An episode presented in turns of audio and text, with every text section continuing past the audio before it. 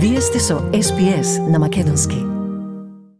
Одложена е официјалната посета на шефитата на бугарска дипломатија Теодора Генчовска на Македонија, која беше предвидена за следните два дена – Министерката за надворешни работи на Бугарија требаше да пристигне денеска среда во Скопје во рамките на нејзината официјална турнеја на регионот. Сепак Генчовска останува во Брисел, каде ќе има вонреден самит на НАТО во четврток, на кој ќе се разговара со состојбата во Украина. Овие денови во седиштето на ЕУ има и состаноци на кои присуствува министерот за надворешни работи Бујар Османи, а на кој веќе се разговараше за проширувањето, но и за македонско-бугарскиот спор. Како што се дознава од медиумите, Генчовска и Османи веќе имале и неколку тетате средби на маргините на работниот престол во Брисел, а ќе продолжат и во наредните денови.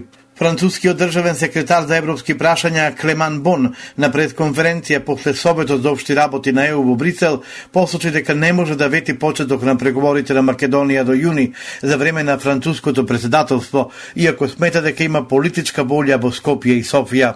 Цитирам, ако има резултат од тие сигнали, тогаш француското председателство ќе го отпочне процесот, но во овој миг нема доволно подпора да се каже дека ќе отпочнеме, вели Клеман Бон, француски државен секретар за европски прашања. Македонските студенти ќе можат бесплатно да студираат во Бугарија, а истото правило ќе важи и за бугарските студенти во нашата земја.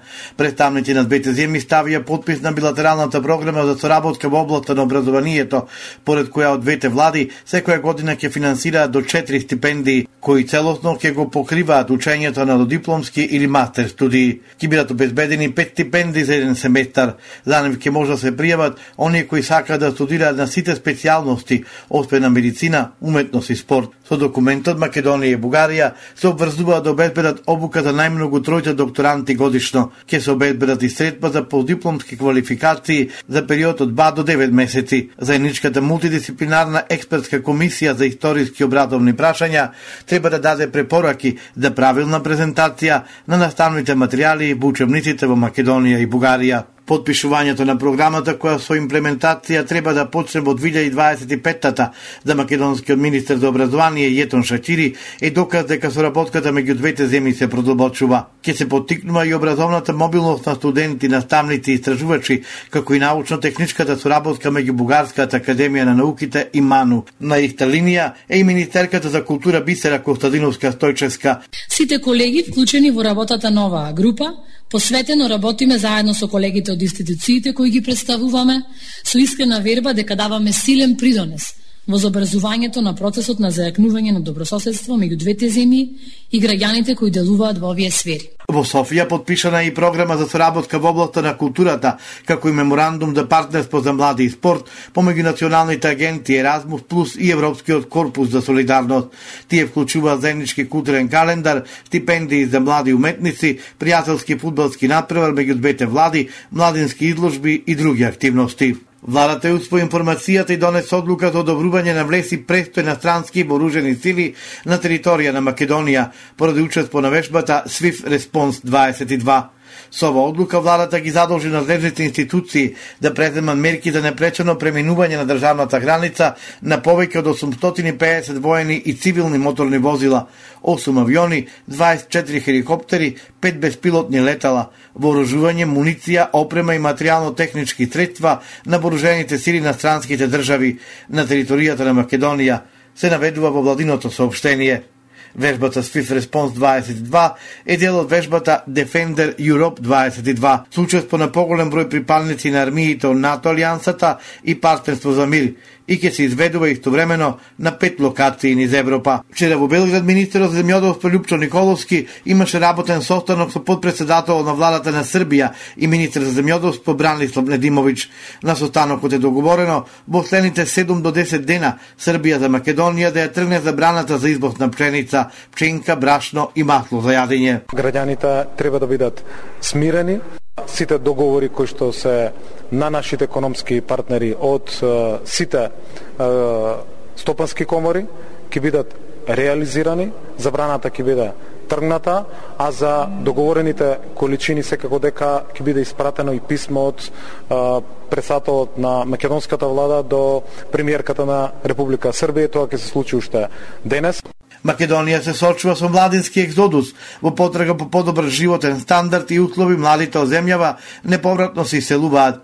58% од младите би се иселиле од државата, покажуваат податоците од истражувањето изработено од Фондацијата за демократија на Вестминстер, на кој учествувале околу 1000 испитаници.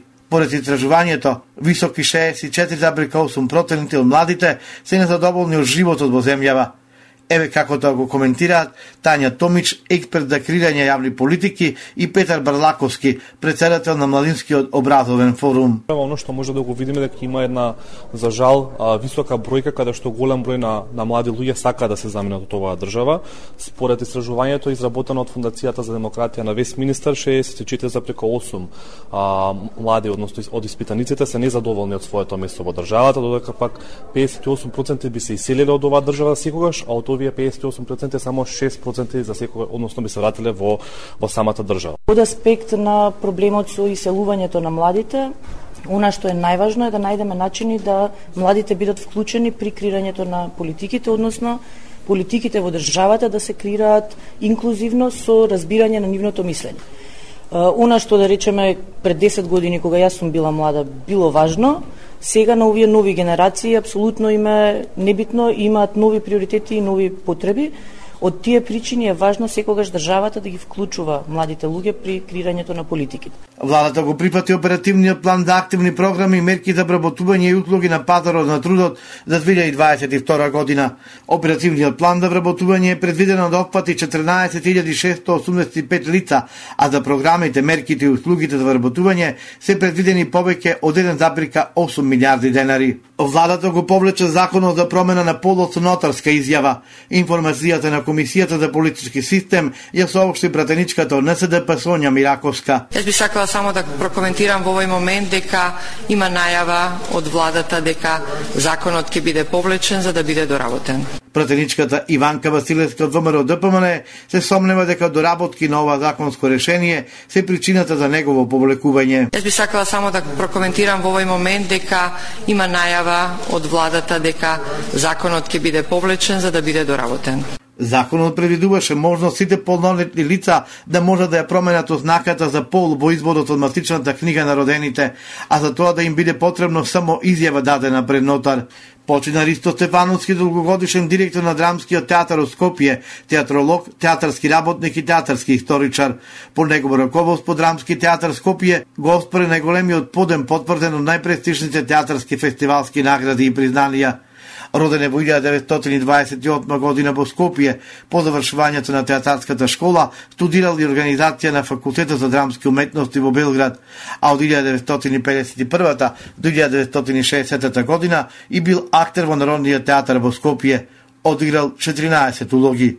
Стефановски е автор на бројни книги од областта на театарската дејност, а добитник е и на мноштво награди меѓу кои одликување на француската влада. Стефановски во аналите на Македонскиот народен театар ќе остане за секогаш не само како актер, но и како човек кој го раководеше театарот во неговиот значаен период од 83-та до 1988 година.